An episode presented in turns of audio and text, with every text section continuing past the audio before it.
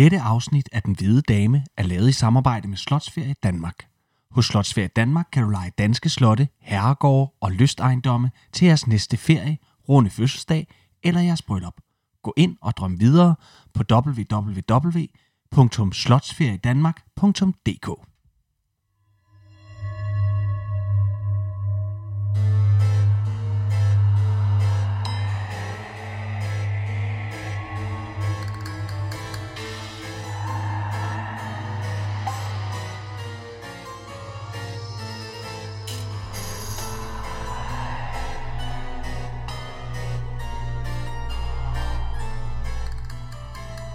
lytter til Den Hvide Dame. En podcast om danske herregårde og slotte, og ikke mindst om alle de spøgelser, der bor der.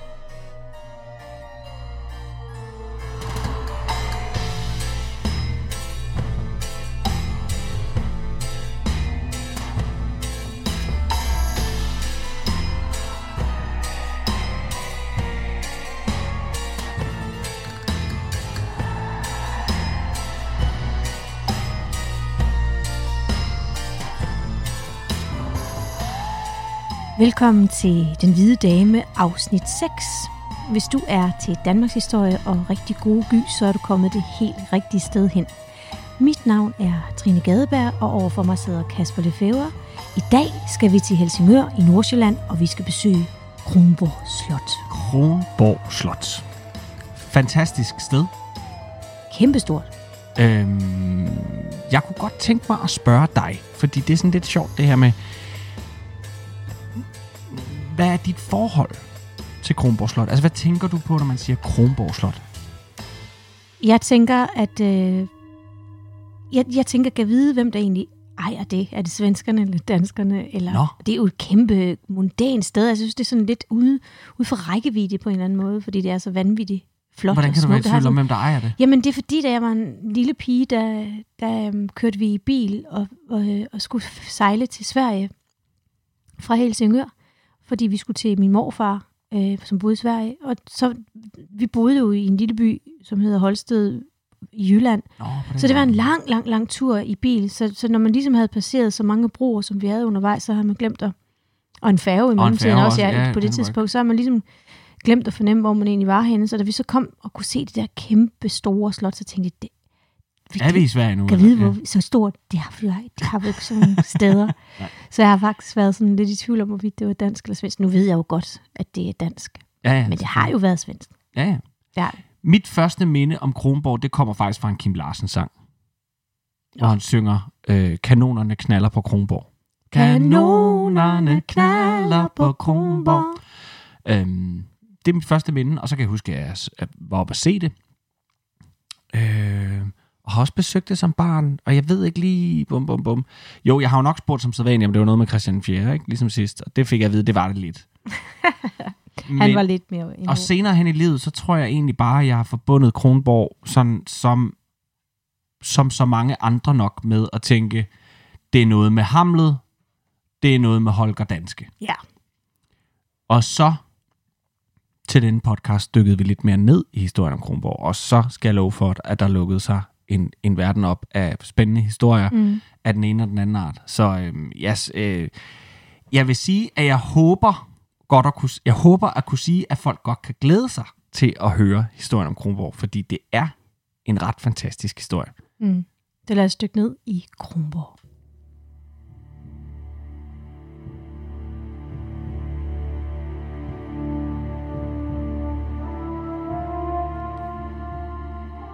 Lige der, hvor Øresund er smallest, helt ud på spidsen af Sjælland, der ligger Kronborg Slot strategisk og vanvittigt godt.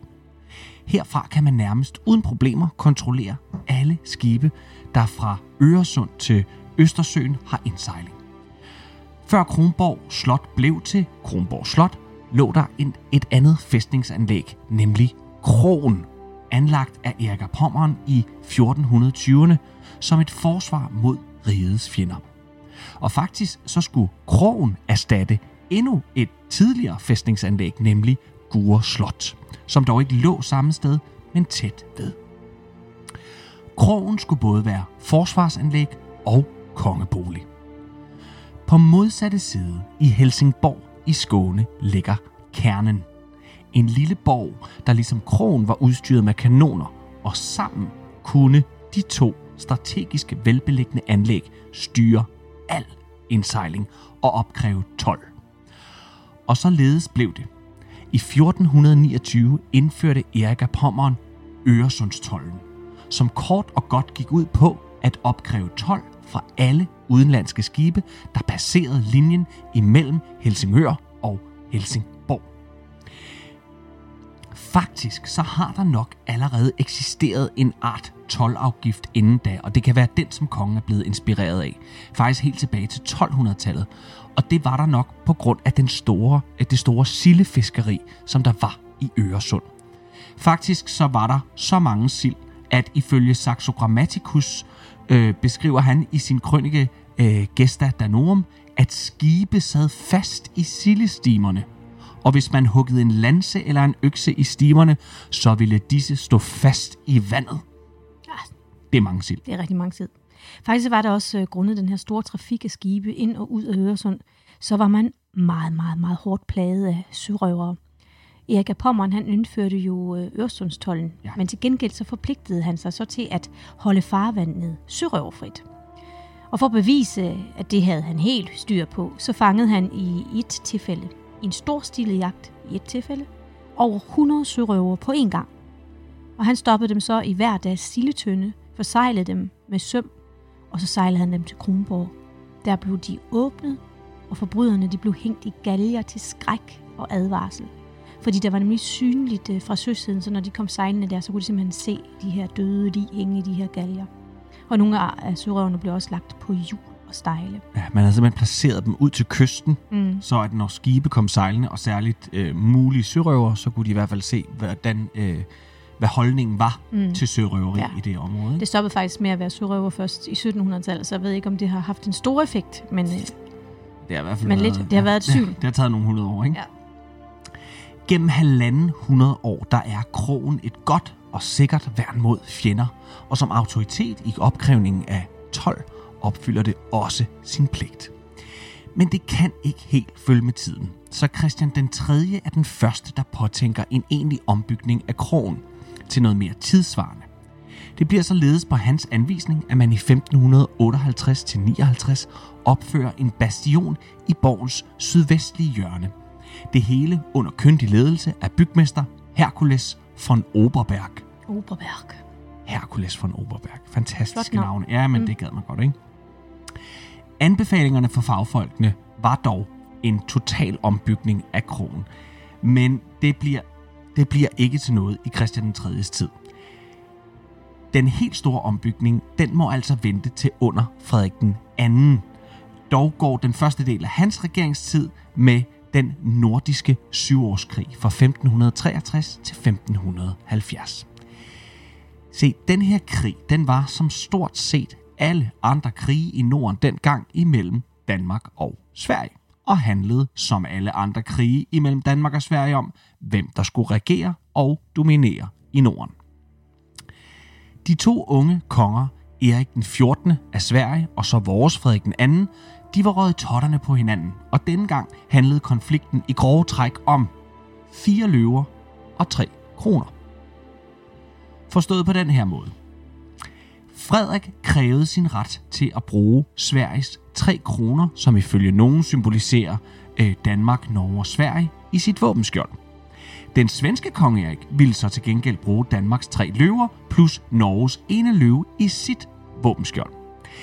Det skal siges, at begge de to konger er henholdsvis 25 og 27 år. Erik på 27 er lige blevet konge, så der skal måles lidt manddom af imellem de to øh, konger her. Disse i vores øjne ret barnlige provokationer fra de to konger går nok mere ud på, at der er momentum for dem begge to til at styre Norden. De har begge to pengene, og de har i den grad begge to viljen. Frederik ville desuden genindføre Kalmarunionen, og Erik ønskede søvejene åbnet i Øresund og Østersøen for at styrke Sveriges handel.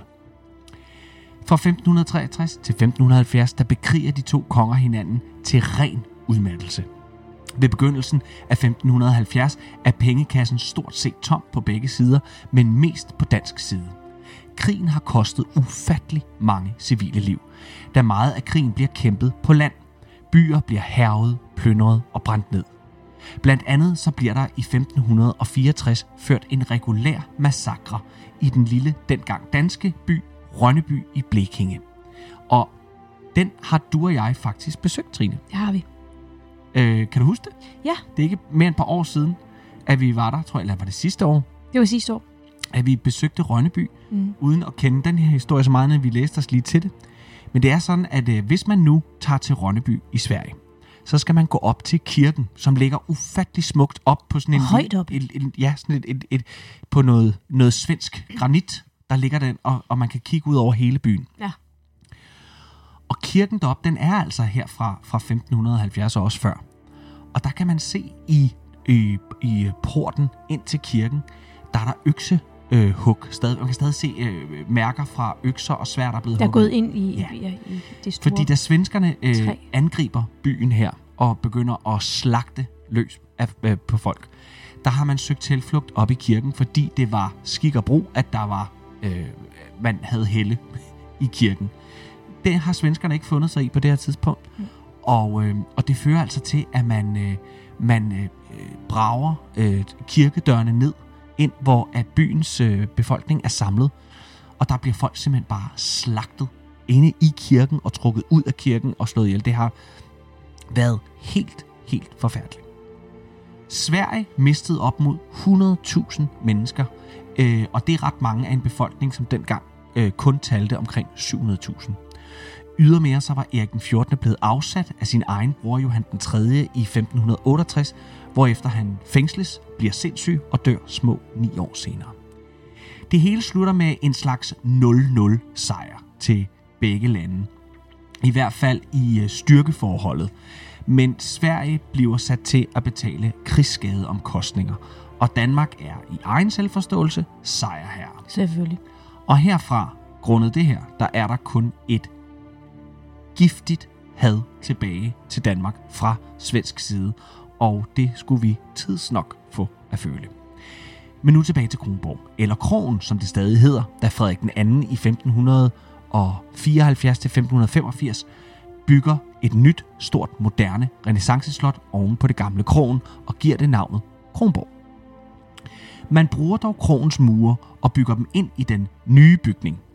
Og som med mange andre nordiske renaissanceslotte, så er der en art improvisation over byggestilen. Man kan meget hurtigt gå fra det planlagte til noget helt nyt, hvis den tanke opstår, og således er der lidt afvielser i stil og arkitektur på Kronborg fra samme tid. Oprindeligt havde man tænkt sig at bygge i stil med Frederiksborg Slot, som, en fra, som er øh, bygget efter det, der hedder en fransk slotsplan med tre hovedfløje, forbundet på østsiden med en lav fløj i en etage, som kunne give sådan et fantastisk udsyn ud over øh, Øresund fra kongens private gemakker. Den plan afveg man pludselig fra og byggede i stedet øh, Østfløjen i fuld højde, så man fra øh, anden og tredje etage kunne lave et, et lille galleri, hvorfra man kunne opnå forbindelse imellem de mange forskellige gemakker i Nordfløjen til Riddersalen og kirken, som ligger i Sydfløjen, uden at man skulle bevæge sig udenfor og over gårdspladsen. Men det giver altså stilmæssigt en forvirring i forhold til nederste og øverste etage i Østfløjen. Se, det var mange ord, og måske har du aldrig lagt mærke til det, og måske er du også hammerende ligeglad, men nu ved du det altså. Og så, så blev den moderne bunker udbygget under slottet. Kronborgs kassematter er berømte og berygtede. Disse underjordiske, mørke og fugtige gange kan i første omgang virke skræmmende og har med garanti sat fantasien i gang på selv den mest rationelt tænkende person. Men kassematterne var og er faktisk stadigvæk en enestående militærkonstruktion. Heste, soldater og vogne kunne huses i kasematterne, når kampene udenfor tog til. Og fra dokumenter på Kronborg har man således kunne fastslå, at der har været plads nok til at huse en smedje, en stald og en eksercerhal, og et forrådskammer med mad nok til 1000 mand i fire måneder. Det er sindssygt, ikke? Jo. Men kasematterne har også haft de, de har de grummeste historier med sig, ikke? For de blev kun, ikke kun brugt til, til militæret, de blev også brugt som fangekælder. Altså Ja. de værste forbrydere, de sad i, i sådan nogle lukkede rum, der var i, i siderne. Man havde to slags fanger. Man havde horsebåndsriderne og kanariefuglene. Den skal jeg lige have igen. Horsebåndsriderne og kanariefuglene. Dem kunne man skælne på tøjet, fordi kanariefuglene var i lysegult og lysegrønt. Dem havde man ikke så meget til overs for, fordi man kunne ikke stole på dem. Nå. Hvorimod horsebåndsriderne, de var i mørkegråt og, og mørkebrunt, måske lidt mere mondant og præsentabelt. Men under alle omstændigheder, så havde begge fangetyper jernring om benene, om halsen og et brændemærke i panden. Nej, Jo. det er man også brændemærke Ja, i men panden. det er jo helt sindssygt. Ikke? Så det Hvad hjalp det så, om man enten var kanariefugl eller... Ja, som jeg siger, så du i hvert fald øh, for livet vist, at du var, har siddet dernede. Ja, ja. Men øh, hvis ikke de gjorde, som der blev sagt, så fik de altså af den nihalede pisk, som man også kaldte det, som katten. Den fik man at føle. 27 piskeslag med alle de andre fanger som publikum. Og så blev de bundet op på sådan en pæl med armene øverst. Altså bundet op, så, pæng, så armene hang ovenover dem. Mm. Og så fik de påført sig den her voldsomme smerte, ikke? Forfærdeligt. mens der var hudende publikummer på. De har været meget øh, kreative øh, nede i kasematterne i forhold til øh, tortur Ja. og, og fængsling altså, øh, i en og samme tid.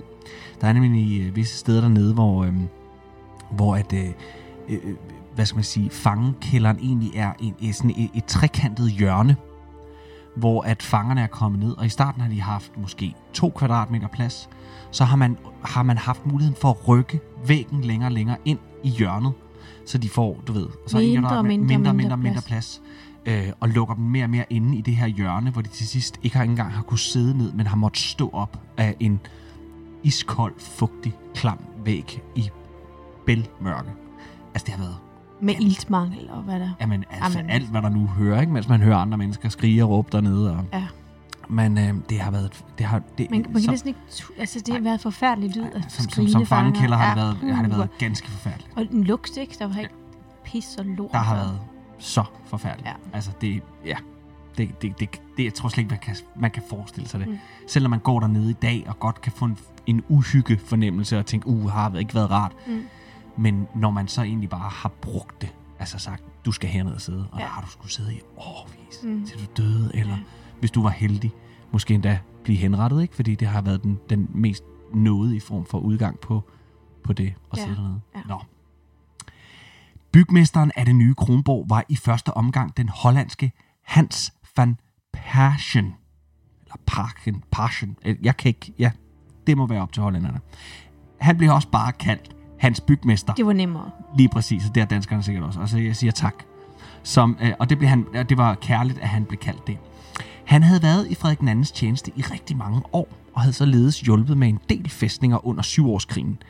Han bliver dog i 1581 enten afskediget, eller så går han frivilligt. Der er i hvert fald en eller anden form for uoverensstemmelse, fordi han bliver i et brev beskyldt for utroskab og stopper øjeblikkeligt på Kronborg, for derefter at arbejde videre på fæstningen Bohus i Sverige nord for Jødeborg. Men mange bygmestre, stenhuggere og kunstnere har sat deres præg på Kronborg igennem tiden under de forskellige konger. Men ligesom med Rosenborg og Christian den 4., som vi talte om i sidste afsnit, så må vi give Frederik den anden en stor del af æren for Kronborg. Det er hans bygningsværk. Altså, Ja. det er hans Og hvilket idé og, og værk. ånd. Ja.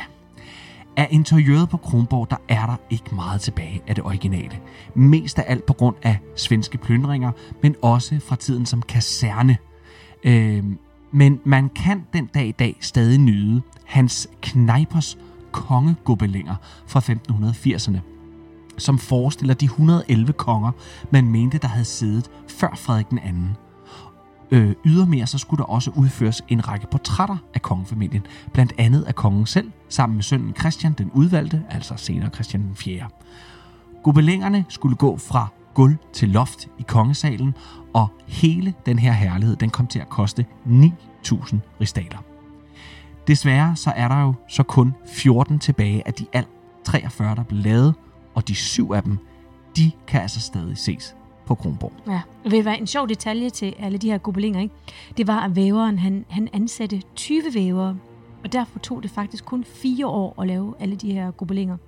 Og så er der sådan et par mystiske budskaber med på, på nogle af billederne. For, for eksempel er der en af dem, hvor der er en afbildning af kong Abel. Og når Mhm. du går forbi den gobeling, så Mhm. følger kong Abel dig med øjnene. Ah, Det er lavet, som, som, man, som man nærmest synes, han kigger på en. ja, ja. Der, Øhm, der er også et, der, jeg kan huske, det er der faktisk også på Kronborg.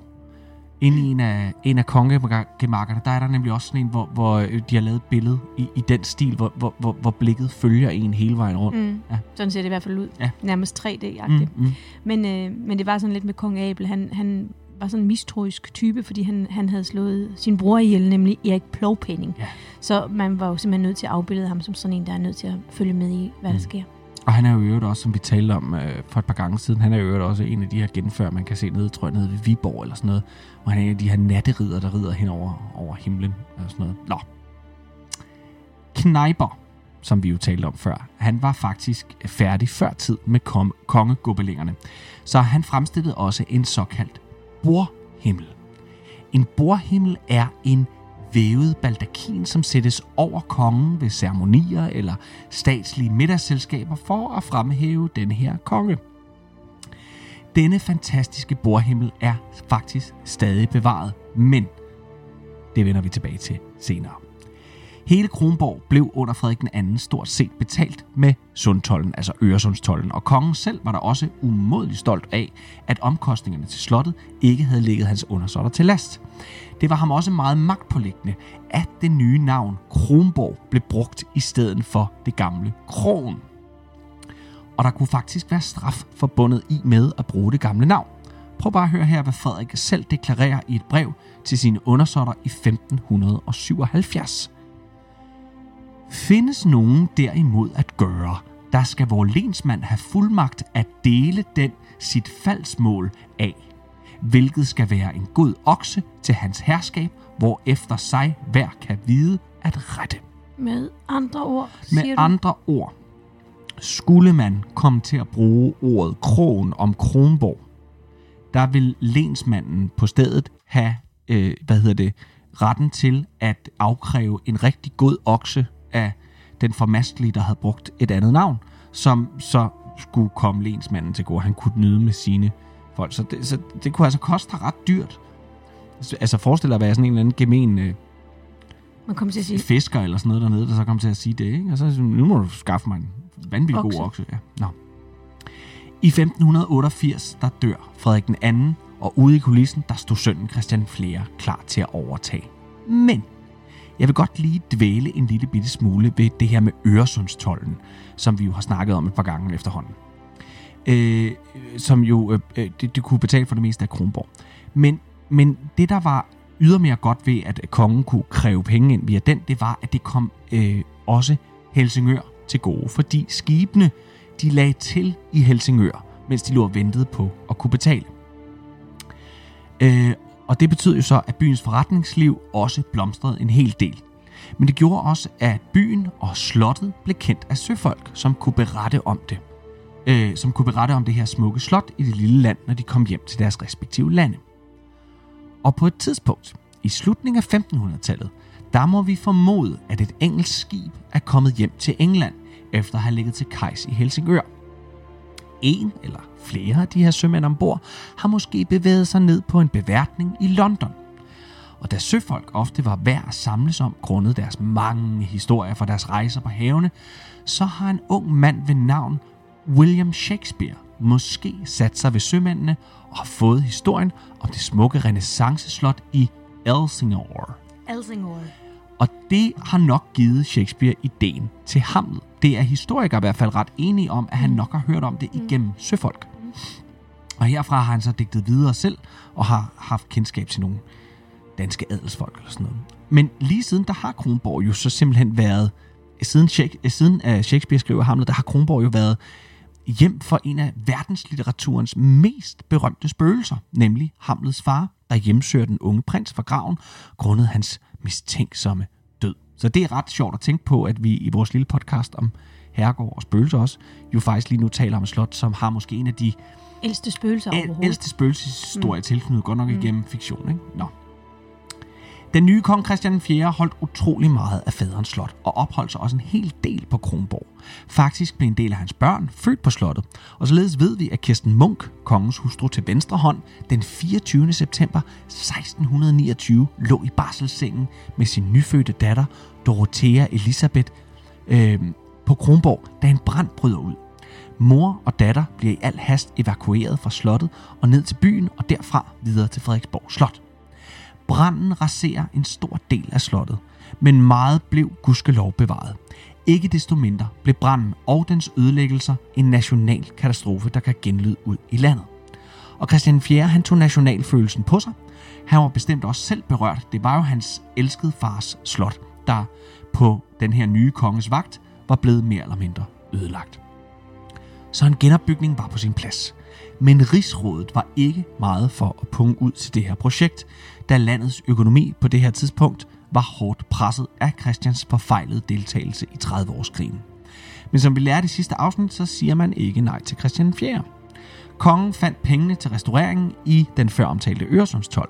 I perioden maj 1631 til juli 1632, der hæver han tollen, og Kronborg blev frem til 1637 restaureret af den betroede Hans Stenvinkel den yngre. Og det vil altså sige, at de her penge, han sætter op med, det kan han simpelthen restaurere. Det har vi jo så set før. Det er ligesom hans far gjorde det. Han byggede simpelthen hele slottet for det. Nå, Hans Stenvinkel den yngre. Stenvinkel vil den opmærksomme lytter kunne huske fra vores første episode som manden, der restaurerede Dragsholm Slot i årene 1624-42. Og vi ved jo også, at Christian 4. var glad for at sætte sit monogram på alle bygningsværker, han havde sat gang i. Men i tilfældet Kronborg Slot, der finder vi ikke kongens monogram på det restaurerede. Af respekt for uh, hans far, Frederik den andens bygningsværk, så forstod Christian også, hvornår man som bygherre ikke skulle tage æren for andres flid. I 1658, der var Danmark midt i Karl Gustav-krigene. Denne gang skulle vi for, første, øh, skulle vi for altid miste Blekinge, Halland og Skåne. Svenskerne belejrede Kronborg, efter at man havde holdt stand i tre uger. Herefter begav svenskerne sig videre mod København 10. til 11. februar 1659, det som skulle føre til stormen på København, hvor vores hollandske venner heldigvis kom os til undsætning. Men Kronborg blev ikke belejret uden kamp. Nej, for en, en lille modstandsgruppe under ledelse af blandt andet Olof van Stenvinkel, som er søn af arkitekten Hans van Stenvinkel, og præsten Henrik Gerner forsøgte i al hemmelighed at bestikke nogle af de svenske lejesoldater til at kæmpe på dansk side. Men missionen mislykkedes, og Olof van Stenvinkel han blev dømt til halshugning, partering og efterfølgende kom han på jul og stejler. Og først i 1660 ved krigens afslutning, der fik man Olof Stenvinkel, der fik han en reel begravelse, øh, men det eneste, der var tilbage af hans partiet liv, var benene, som man så begravede på Johannes Kirkegård ved Sankt Maria Kirke. Henrik Gerner derimod, han, øh, han holdte svenskerne i livet grundet hans gejstlige stilling, og tanken var at bruge ham som udveksling af en svensk gesandt og krigsfange, som danskerne havde. Det blev aldrig til noget, så Gerner blev tortureret på det grusomste, men nævnte ingen navne af hans andre medsamsvorene, så han holdt, han holdt fast. Mm.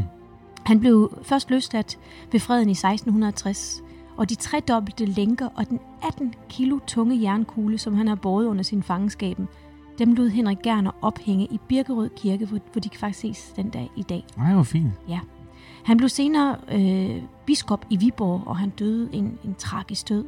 Han fik øh, simpelthen et stykke kød galt i halsen, og han fornemmede godt, at det kunne han ikke gøre noget ved, øh, og han ville lide sultedøden.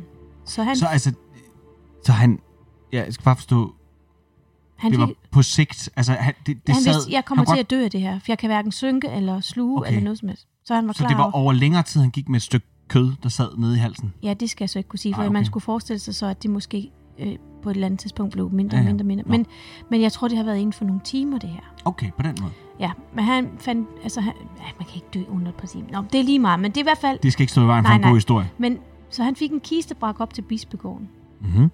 og da døden nærmede sig, så lagde han sig selv op i kisten. Det er Sådan. vildt, ikke? Sådan. Under den svenske belejring af Kronborg, der blev slottets inventar plyndret og smadret. Faktisk så virkede det som om, at svenskernes plan var, at alt, hvad de ikke fysisk kunne tage med sig, det skulle de bare smadre. Øh, og på den måde så blev øh, et meget, meget flot øh, springvand i gården raseret, og store dele af øh, Frederik II's øh, føromtalte kon- kongegobelinger, de blev brændt. Og så havde jeg jo lovet at vende tilbage til den her Frederiks bordhimmel, som også blev lavet. Den tog svenskerne med sig hjem til Sverige. Og der blev den opbevaret. Den blev aldrig brugt derop. Det var ikke sådan, at de tog den med hjem og gav den til egen konge, som så kunne sidde under den. De tog den bare med hjem, og så pakkede de den ned og glemte stort set alt om den indtil 1868, hvor den blev fundet frem igen. Og der har den lige siden 1868 været udstillet på Nationalmuseet i Stockholm. I 2002 der blev den faktisk udlånt til øh, Metropolitan Museum of Art i New York. Og så fra 2012 til 2016, der vender den for en kort periode hjem til Kronborg, imens Nationalmuseet i Stockholm var under ombygning. Men hvis man vil se Frederik II's øh, bordhimmel, så skal man altså stadigvæk en tur til Stockholm. Den beholdt svenskerne, den har vi aldrig fået tilbage igen. Kronborg Slot bliver som så mange andre kongeslotte brugt mindre og mindre fra den sidste del af 1600-tallet og frem. Men i 1772 der danner slottet ramme om en tragisk skæbnefortælling. Et par år før havde den unge dronning Karoline Mathilde indledt et forhold til Frederik den 7. livslæge Struense. Struense havde jo som bekendt kongens øre og forsøgte igennem ham at modernisere og reformere, men det endte fatalt. Det var en af de største skandaler i kongehusets historie, og den ledte til, at den sindssyge konges livlæge blev halshugget, parteret og lagt på jul og stejler den 28. april 1772 i udkanten af det, som vi i dag kender som Fælledparken. Men den anden part i sagen, som jeg jo startede med at nævne, var jo som bekendt Karoline Mathilde. Og hun blev fængslet på Kronborg her i, øh, i 1772. Og der sidder hun frem til øh, maj samme år, hvor efter hun så bliver landsforvist og sendt til en by i Tyskland, der hedder Celle. Men, øh, men øh, så Kronborg danner altså lige ramme om, om hele Struense-affæren i en kort periode. Mm. Men øh, det bærer den da lidt af den historie. I 1785 der bliver øh, Kronborg officielt kaserne for Helsingør garnisonen. Og det bliver en lidt farlig periode for det historiske slot, fordi det kommer i det kommer i fare som militærbygning. Militæret i sig selv, øh, de passer ikke særlig godt på stedet. Øh, mange af rummene, de bliver brugt som opbevaring af forskellige ting, og kirken, den bliver nærmest ødelagt Det at de fjerner alderet, og stolestaderne, de bliver også bare revet ud og sådan noget, fordi der skal man bruge rummet til fægtesal. Men også under krigen mod England i 1801 var Kronborg Slot et muligt mål, fordi det jo nu var en militærbygning, så var det altså et muligt mål for Lord Nelsons kanoner. I løbet af 1830'erne der bliver det efterhånden et folkeligt krav, at nationalklinodet Kronborg må være fri fra militæret. Og det bliver det blandt andet fordi, at øh, udover at de har ødelagt mange af de her, så øh, beskrives det altså også, at, øh, at militæret havde krudtbeholdningen i et rum lige ved siden af bageriets glohede ovne deroppe. Det, det virker helt, øh, det virker helt tosset. Helt vildt. Så hvis vi havde været rigtig uheldige, så havde det, så var det bare sprunget i luften. Ikke af fjender, men af os selv, fordi Ja. vi, altså, det virker helt tosset. Øhm, men vi skal helt frem til 1924, før at slottet øh, går fra militærbase øh, til at nu at huse Indrigs- og Boligministeriet. Og herfra kommer der også en kæmpe renovering, blandt andet med hjælp fra Ny Carlsbergfondet.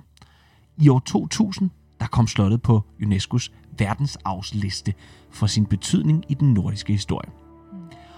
Og så kunne jeg rigtig godt tænke mig, at vi sluttede historien af om Kronborg med Thomas Kinkos hyldestvers til vores allesammens Kronborg Slot. Trin ind, om du æst vært. Jeg lader op min bue og åbner pladsen til det kronede slot at skue. Tre konger, der har ført af vand, af ild, af skud, trods havets svæld, trods brand, trods fjenders kuglebrud. Gud give kongen og hans sejl en evig rod, så længe Øresund skal kysse Kronborgs fod. Er det ikke smukt? Jo, det er meget smukt. Jeg blev helt øh, rørt, da jeg læste det. Jeg synes virkelig, det er, det er rigtig fint. Godt lavet, Kingo. Nå. Øh, Det var Kronborg. Det var som, øh, som, som altid et meget kraftigt nedkog af historien. Men nu, nu skal vi bevæge os ud i det mere bemærkelsesværdige, det uforklarlige. Det er der, der laver udefinerbare lyde om natten. Vi skal nemlig nu svæve med spøgelserne på Kronborg.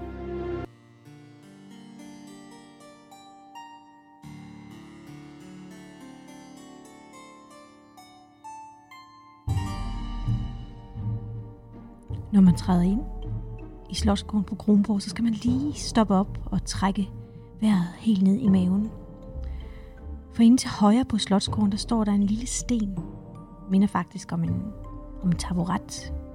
Men det er ikke en hvilken som helst taburet, for det er en henrettelsesmarkering. Massevis af mennesker har fået hugget hovedet af, og hvis man er der om aftenen i vindstille vejr og sætter sig på taburetten, så kan man være heldig at høre høje menneskejubel, klapsalver og suset fra en økse, der svinger ned over huggeblokken og knak, nakkeknogler, der knækker. Der har rent faktisk været klager fra slottets bæreri over larmen med alle de forstyrrende lyde fra slotspladsen. Men det er meget, meget svært at klage over noget, der ikke længere er fysisk til stede. Hvis man står nede på slotspladsen og så kigger op, så ser man tårnene – og fra et af disse tårne høres, høres der indimellem et gruopvækkende skrig, der går igennem marv og ben. Det er så højt, at det vil kunne høres ind til centrum af Helsingør by. Men på mystisk vis er det kun dem, der befinder sig på slotspladsen, der har været i stand til at kunne høre rejselskriget. Man ved det, fordi man har spurgt i byen, og der er ingen i byen, der har hørt det, mens andre har kunne stå på slotspladsen og høre det. Man har også set en hvid skikkelse passere tårnvinduet, Hvorvidt det er knyttet til skridet, det ved jeg ikke, men det er da nærliggende. En tidligere slotsforvalter har oplevet lyden af mennesker, der kom gående ud i gangen uden for det værelse, hvor han sad. Det var meget, meget, meget tydeligt, at han kunne høre fodtrin og masser af menneskelarm. Og da han gik ud, så kunne han se, at hele gangen blev opfyldt af skygger. Så det var ikke bare sådan et til to mennesker, det var faktisk en hel menneskeskare, der nærmest fyldte hele gang. Hold no. De tunge døre rundt omkring slottet, de blev åbnet med sådan en kæmpe brag, og et enkelt af slottets døre var lukket med sådan en, en jernstang. Men den fløj af, og man fandt den næste morgen hen langs gulvet. Den har ikke været, altså, den, den er tung. Ja, sådan en jernstang. Ja, ja og det, det, det, er sådan en, der kunne lukke ned, altså, ja. den er flået af, ikke? Ja. Han har siddet og hørt det. Ja, ej, for satan. Mm. Uh. En tysk lyssejler, han kom sejlende forbi Kronborgen sen sommeraften i 2002. Det er ikke så længe siden. Mm. Himlen var fyldt med stjerner, og lige pludselig så får tyskeren øje på en lysende skikkelse i sådan en gammeldags tøj, som står på en af Kronborgs høje mure. Han jagter gennem sin kikkert skikkelsen i flere minutter, da nakkehårene på ham rejser. For der er noget helt galt med den person, han jagter. Det går op for ham, at han ser stjerner gennem personen, så det vil sige, at han er helt og dels gennemsigtig da han sejler tættere på på at få en afklaring om, han havde set, at det, han havde set, var rigtigt, der var skikkelsen væk. Ligeledes har der været andre skilvagter fra tidernes morgen, der har set samme skikkelse med en rød kappe på. Den har formentlig været ganske fredelig, for den har ikke generet nogen. Men det mystiske ved den her skikkelse var, at den kunne ændre form. Den kunne gå fra at være stor til lille, til at gå fra at gå på to ben, til at gå fra at gå på fire ben. Og da en skilvagt i tidernes morgen forsøgte at få kontakt med skikkelsen, så svarede den ikke, og han anråbte den flere gange, men den svarede ikke. Til sidst så skød han efter skikkelsen, og så blev han selv så forskrækket over, at han kunne finde på det, og løb hen og fortalte det til vagten. De tog så tilbage for at se til den sårede, men så var der jo selvfølgelig ikke nogen. Og soldaten blev efter den her oplevelse, blev han meget, meget, meget syg.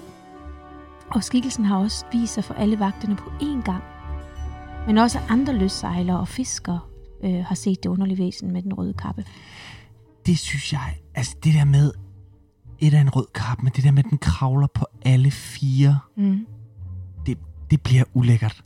Jeg kan ikke forklare det. Det bliver sådan lidt djævelsk, ikke? Ja, det, er sådan, det bliver sådan et væsentligt dyr. Ja. Det, der, der er et eller andet, øh, ligesom sådan nogle af de der japanske gyserfilm, de skal ikke kravle rundt på alle fire. Det, bliver, øh, ja. De skal... det var endnu en til rækken her. Vi skal ikke stige, og du skal ikke kravle rundt på alle fire. Nej, der er så er der mange ting, man ikke kan hvis man er... Bare stå og være hyggelig spøgelse. Ja. Mm. I 1926 der fandt man beviser på, at der under Helsing, Helsingør by fandtes hemmelige gange. Man har nemlig under jorden fundet beviser i form af rigtig, rigtig flotte bevarede mure. Og så fik byens befolkning lov til at gå turen under jorden, og man kunne se, at disse her gange, hvis de blev ved, altså hvis, altså hvis murene blev ved, det gjorde de så ikke, men hvis de blev ved, så Hvis de var blevet bygget færdigt. hvis det var sådan, det var, så kunne de føre helt til Marienløs Slot. Og man mener, at kongen skulle have brugt gangene til, at han alt umær- i al ubemærkethed kunne flygte Mm. fra Kronborg til Marienløs Slot. Et slot, som Frederik den anden brugte som lysthus. Ja. Nu vi er ved ved Ma- Marienlyst Slot, så er der faktisk en anden makaber historie, som foregår i skoven nord for Marienlyst. Et område, som kaldes for Rakkeranden. En rakker er et gammelt ord for renovationsarbejder. Jobbet det bestod i at skulle flå selvdøde dyr, dyr og bringe dem ud af byen. De var så også bøndens medhjælper, og de levede isoleret fra omverdenen, fordi de blev betragtet som urene. De stank, så ingen ville have med dem at gøre. De blev også kaldt for natmændene, for ingen skulle være i tvivl om, hvor de boede. Så øh, var der på vej derud lavet et gære af knogler. Hesteknogler og diverse knogler. Og Erik af Pommern, han hængte morderne op på, på stien, bare alene til skræk og advarsel, når man kom gående af stien. Ikke? Så hang forbryderne ovenover dig og dinglede. Randen er faktisk dannet fra istiden, og er en af de mest uhyggelige steder i Helsingør.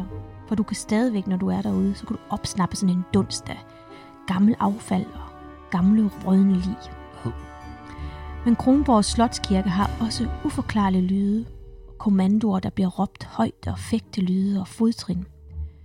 Og hvis man kommer forbi kirken, så tjek lige out- altertavlen ud, for der er noget helt specielt ved den altertavle. Mm. I det to røvere, som Jesus blev korsfæstet med. De hænger på hver side af ham. Så det er ikke kun Jesus, der hænger på korset. ja, det er rigtigt. Jeg har aldrig tænkt over det. Det er altid bare ham med. De er Mm. aldrig med, de to. Der, Men der det er de altså der, Nå, på den altertavle. Og lidt sjovt, men du sagde det der med, at de hiver alle de her ting ud af kirken, da de plyndrede den. Mm, mm. At det er sjovt, man kan høre fægtelyde inden for kirken, ikke? Jamen, de har brugt den som Præcis. uh, fægtesal. Præcis. Ja, okay. That's, that's why. Det er meget skægt. Ja, men øh, caféen og restauranten, som er tilknyttet Kronborg, har faktisk gennem en længere periode haft en clairvoyant tilknyttet. Fordi den daværende restaurantchef, hun fik nok af spøgeriet. Både hun og personalet, de, øh, de oplevede, at de blev betragtet, de blev gloet på. At vinflasker nærmest hoppede ud af reolerne. Døre er gået op, og en lugt af død og kulde har bredt sig. Og det blev altså for meget for restaurantchefen, da hun en dag kunne høre en dør blive rusket helt vildt i. Og selvom hun ledte efter nogen, der måske hun var kommet til at, at lukke ude, så fandt hun ingen. Det forskrækkede hende så meget, at hun slukkede alt lys fra den store afbryderknap, låste døren og løb til vagten for at aflevere nøglerne. Nu skulle hun ikke være på arbejde mere den dag. Og på vagten sagde, du har glemt at slukke lyset. Men det havde hun ikke. En clairvoyant fik nys om situationen og blev ansat til at rense caféen og restauranten for spøgelser. Og en af de spøgelser, clairvoyanten møder, har en meget, meget tragisk historie bag sig. Det er den 17-årige Eva McLean, som i 1670 bliver voldtaget af nogle markarbejdere. Hun boede på det tidspunkt i England, og da en anden ung mand forgreb sig på hende, endte hun med at tage livet af ham. Hun blev gift senere med en diplomat, og de flyttede til Kronværket. Det gjorde hun i 1706. Hun blev gravid, og da manden var ude at rejse, så tog hun livet af datteren. Det gjorde hun ved at sulte hende, og så gravede hun hende efterfølgende ned. Alene fordi datteren ikke skulle udsættes for det samme, som hun selv har været udsat for. Det skal lige siges, at Kronværket, det var førhen en bolig for tre familier, og der har også været en lungehospital, mener man, mm. i tidernes morgen. Så klaganten mener simpelthen, at spøgelser har været oprørte over, at alle de ting, der var blevet lavet om med deres oprindelige tilholdssted, at det, er jo- det er jo simpelthen det, de Mm. var frustreret over. Clairvoyanten, hun møder mange, mange forskellige slags spøgelser, lige fra en lille pige, der er druknet i voldgraven, til en tysk butler, der blev anklaget for at stjæle vin, hvilket gjorde ham så trist, at han hængte sig. Og i kasematterne, der oplevede hun øh, lyden af skrig fra mennesker og heste i et virvar. Ja. Men der sidder jo også en anden mand nede i kasematterne. Når man siger kassematterne, så må man selvfølgelig også sige Holger Danske, som jo sidder dernede under Kronborg og passer på Danmark. Når Danmark stander i våde, så vil Holger Danske vågne op til død. Vi kender alle sammen historien. Se, øh, det der er lidt sjovt ved Holger Danske, det er jo, at han måske faktisk øh, efter nye undersøgelser slet ikke er dansk. Og han er selvfølgelig heller ikke en rigtig person, og så har han ikke siddet nede i kassematterne i tusinder af år øh, under de danske konger og våget over Danmark. Det tror jeg godt, de fleste ved, han ikke har, men, men det er den følelse lidt, man har. Så, øh, men, men ganske kort så kan jeg fortælle, at, at Holger Danske, ham støder man på første gang for nogle øh, heltekvad fra 1100-tallet øh, i Frankrig, som hedder øh, Chassons de Gesté. Og, øh, og, og helt nærmere betegnet for det, der hedder Rolandskvadet. Der er han betegnet som ridder under Karl den Store, og går under navnet Roger le Danois. Og senere så får han sit helt eget heltekvad, nemlig La Chevalier de Auger de Danmarger. Og her der er han nu kongesøn af kong Gudfred, og øh, bliver udleveret som gissel til Karl den Store for at bevare freden. Og da Gudfred bryder freden, så skal Holger dræbes, men kong, øh, hvad hedder det, Karl den Stores hofdamer, de beder for den unge mands liv og argumenterer for, at han jo ikke skal straffe for faderens fredsbrud. Men historikerne har måske fået øje på en oversættelsesfejl, som gør, at med et trylleslag, der forvandles Auger le Danois til Auger la Danui, altså, eller Dan, La Danois, eller sådan noget. Jeg kan ikke, jeg beklager. Jeg hedder Lefebvre til efternavn, og det eneste fransk er dig mig. Jeg kan ikke udtale det. Nej. Men de to øh, titler, de gør altså, at øh, Holger lige pludselig går fra at være Holger fra Danmark til Holger fra Ardennerne. Men øh, skriftkloge, de skal i hvert fald ikke stå i vejen for en god historie. Og det er faktisk en af vores andre nationale helte her i Danmark, som giver os den her historie om den slumrende Holger Danske, der passer på os alle sammen, og det er nemlig H.C. Andersen. Fordi H.C. Andersen, han hører en, om den tyske savnhelt øh, Frederik Barbarossa på en af sine rejser i Tyskland. Og Barbarossa, han sidder øh, inde i Kyfhøjserbjerget, hvor hans skæg er vokset fast, og, og der skal han så vågne op til død, hvis Tyskland skulle komme i uføre. Og den historie, den låner, øh, hans, øh, den, den låner, øh, hvad hedder det, hos Andersen. Og 1, 2, 3, så får vi med en let gendækning historien om Holger Danske, der våger over Danevang. Men både Sverige, Norge, England, Frankrig, Rusland og Spanien, de har alle sammen den samme historie om de her savnhelte, der våger over landet. Men den her Holger Danske, vi alle sammen kender, han, han, får, øh, han kommer til live i 1907, fordi Marienløst Hotel de fremstiller en bronzestatue af den sovende Holger Danske, ham som vi altså kender i dag. Og det er billedhuggeren Hans Pedersen Dan, som står bag, og han skaber i første omgang en gipsafstøbning, øh, som den originale bronzestatue skal formes af.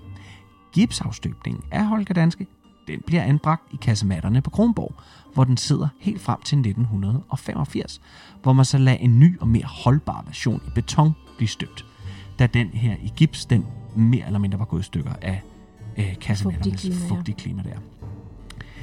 Den helt originale Holger i bronze fra Marienlyst Hotel, øh, den kom på auktion i 2013 på laurits.com, hvor en rigmand fra Skjern købte den til den nette, nette sum af 3,2 millioner kroner.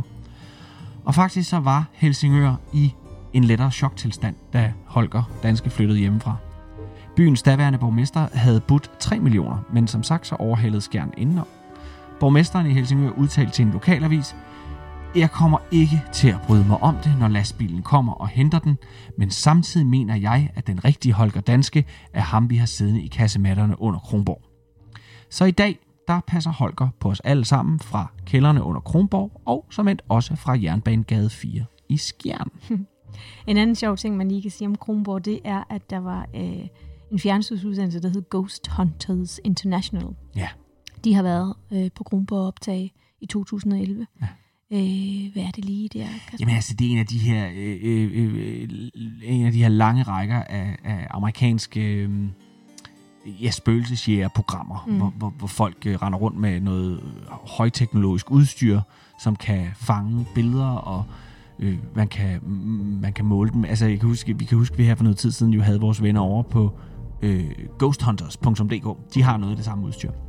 Og Ghostbusters International, det var egentlig bare en sammenlægning, hvor man tog alle de bedste, for ligesom at lave det endegyldige bevis på spøgelser. Og der rykkede de så til Kronborg. Men det var ret vildt, ikke? Altså, de var mange, mange andre steder de var, i hele verden. Jo, de var mange steder i verden. De var på de mest hjemsøgte steder i verden, mm. og så var de så også på Kronborg. I 2011, de 2000 ankom med udstyret i seks uger, Ja. optog deres øh, spøgelsesjægerprogram, hvor de fik fodtrin, skygger og underlige lyde med på deres optagelser. Og så fik de, som det vildeste, hvis Ja. nok, en lommelygte, de havde liggende nede i kælderen, og den blev der altså rykket rundt på fysisk Mm. Altså man simpelthen se det, så som en hånd, der rykker rundt på det. Samtidig med, at der er sådan en, en, øh, en af deres apparater, der, der laver et, et udsving, ikke? Jo, nogle af de der måleenheder. Ja. Og det, øh, hele programmet, det kan faktisk ses på YouTube, øh, Ghost Hunters International, og så hedder det Hamlets Castle. Hamlet's Castle. Hamlet's Castle.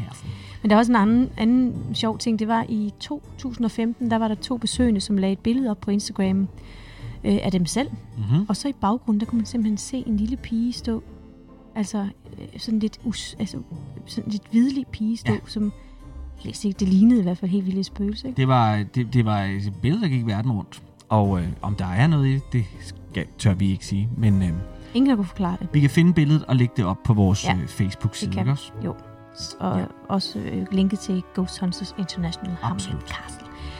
I dag der er øh, Kronborg øh, et kæmpe til selvbord af oplevelse, oplevelser fra de årlige opførsler af Hamlet med internationale stjerner.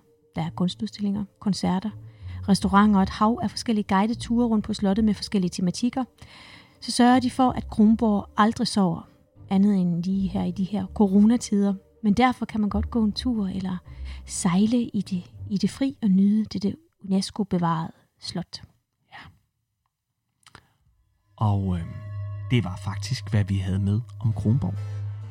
Næste gang, der skal vi til Stenskov Herregård på Fyn, hvor en sovende herremand på bestilling af fruen i huset fik adskillige øks, øksehug lige i ansigtet.